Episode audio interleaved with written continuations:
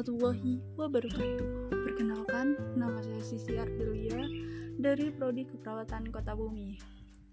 Di sini saya akan bercerita tentang kemerdekaan dan apa sih reformasi mental generasi Society 5.0. Yang pertama itu kemerdekaan. Pada Jumat 17 Agustus 1945, Presiden Soekarno memproklamirkan kemerdekaan negara Indonesia di rumahnya yang berada di Jalan Pegangsaan Timur nomor 56 Jakarta. Secara lantang Soekarno membahas naskah proklamasi, membacakan naskah proklamasi yang telah dirumuskan semalam suntuk bersama para para tokoh-tokoh proklamasi lainnya.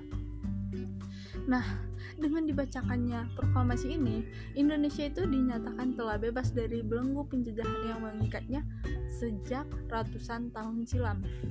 Kabar gembira ini disiarkan secara langsung melalui media seperti radio, media cetak, hingga utusan daerah. Nah, terus ya, peristiwa ini tuh memang hanya berlangsung kurang lebih itu satu jam. Tapi itu tuh telah membawa perubahan yang besar bagi bangsa Indonesia.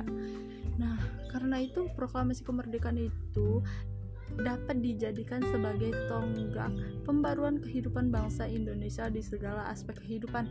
Kayak kita ini sekarang, kita tuh udah bebas dari yang namanya penjajahan kayak yang perang-perang itu kita tuh udah enggak gitu kan. Jadi kita tuh jangan sia-siain, jangan membuat kayak kita tuh bakal dijajah lagi nah kita tuh harus kayak berpikir tentang kita tuh ke depannya harus lebih maju lebih merdeka lagi kayak gitu. Nah ya aspek-aspek itu tuh ada lima. Yang pertama itu politik. Di di sebelum apa sih namanya kemerdekaan kita tuh para petinggi-petinggi kita tuh pada diculik, pada dibunuh kayak gitu. Nah, sekarang malah petinggi-petinggi kita tuh semakin kayak semakin naik semakin naik kayak gitu. Nah kalau sosial kita tuh ya disetarakan kayak gitu. Kayak maksudnya bukan kayak mandang kamu itu miskin jadi nggak cocok sama kita. Cuma hanya ada beberapa orang yang seperti itu. Jadi kita tuh kayak sosialnya itu kayak kita peduli sama orang lain itu masih ada. Kita tuh kayak disamaratakan kayak gitu. Nggak pandang bulu dia hitam dia suku apa kayak gitu. Dia orang kaya atau orang miskin.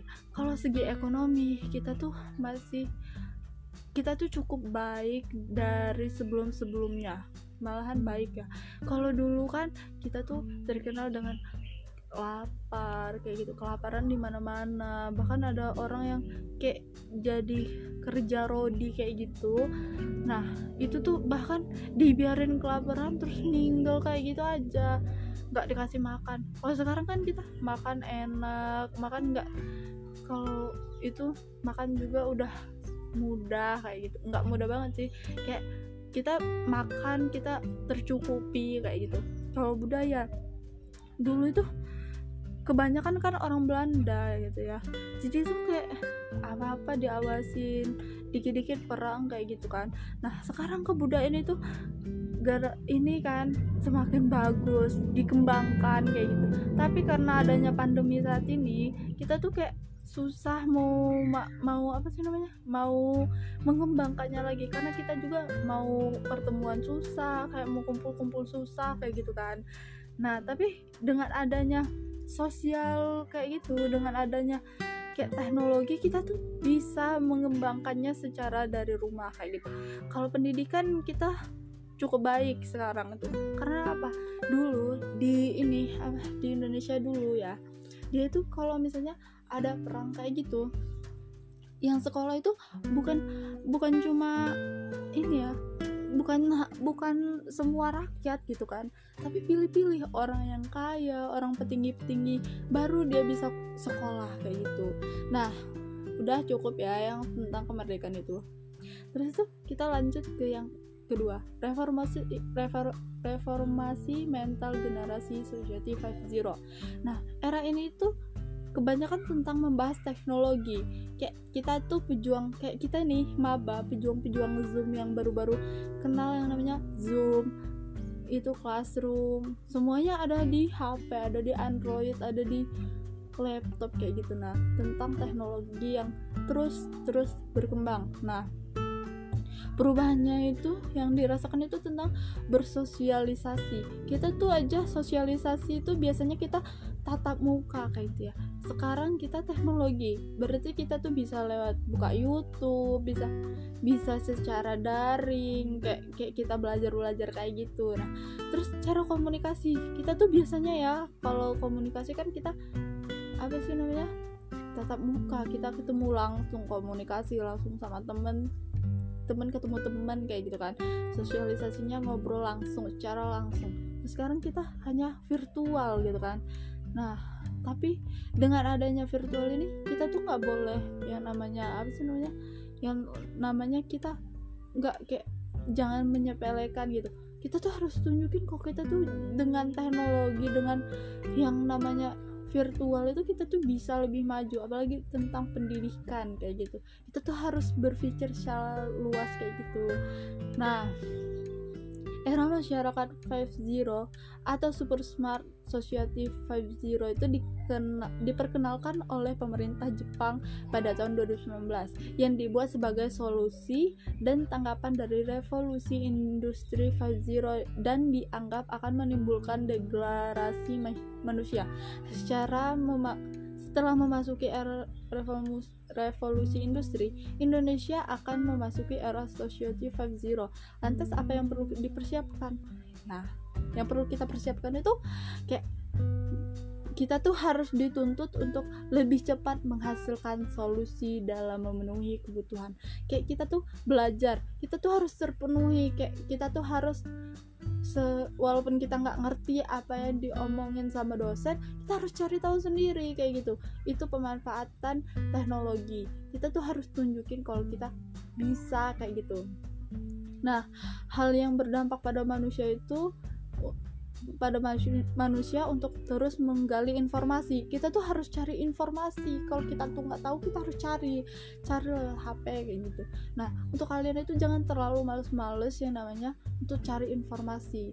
Nah secara ter terus serta menciptakan inovasi baru guna menunjang kelangsungan hidup. Nah kita tuh harus ngembangin semuanya kayak aspek kayak misalnya kita tuh harus kembangin yang namanya pemikiran kita tentang ke depan kita tentang planning kita ke depannya harus kayak mana. Kayak saya nih ya kalau saya nih planning saya ke depannya itu saya tuh mau lulus dengan IPK terbaik gitu. harus bisa membahagiakan orang tua. Setidaknya saya bisa memberikan uang kepada orang tua saya atau saya bisa membiayakan uang kuliah saya agar saya bisa melanjut kayak gitu kan. Kalau nggak saya mau buat rumah sakit untuk orang-orang di daerah terpencil kayak gitu kan terus kalau bisa saya juga jadi kepala rumah sakitnya kayak gitu.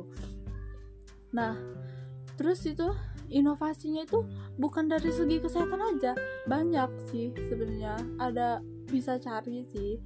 Jadi kita harus itu kayak yang kayak yang yang kedua tadi kita harus menggali informasi apa aja sih inovasi yang berguna untuk menunjang kelangsungan hidup kayak gitu. Nah terus itu kalau udah kayak gitu tuh kita tuh dapat nyimpulin manusia di era ini di era society 5.0 itu bersikap dan berpikir lebih maju gitu kan. Lebih ke depan kayak kayak orang-orang dulu kayak ngomongin ce cewek itu buat apa sih kuliah tinggi tinggi buat apa sih sekolah tinggi tinggi kalau ujung-ujungnya buat di dapur juga kayak gitu kan. Tapi kita merubah itu pikiran dan sikap kita. Jadi kita tuh harus berpikir kayak kita cewek itu enggak cuma harus di dapur aja. Cewek bisa kok jadi presiden. Atau cewek juga bisa kok jadi kepala rumah sakit kayak gitu. Bisa jadi petinggi-petinggi kayak gitu nah nah terus itu kita juga harus mengikuti pola perkembangan zaman. Kita tuh kalau ketinggalan informasi dibilang kayak ketinggalan perkembangan kayak gitu. Jadi kita tuh harus ngikutin perkembangan zaman.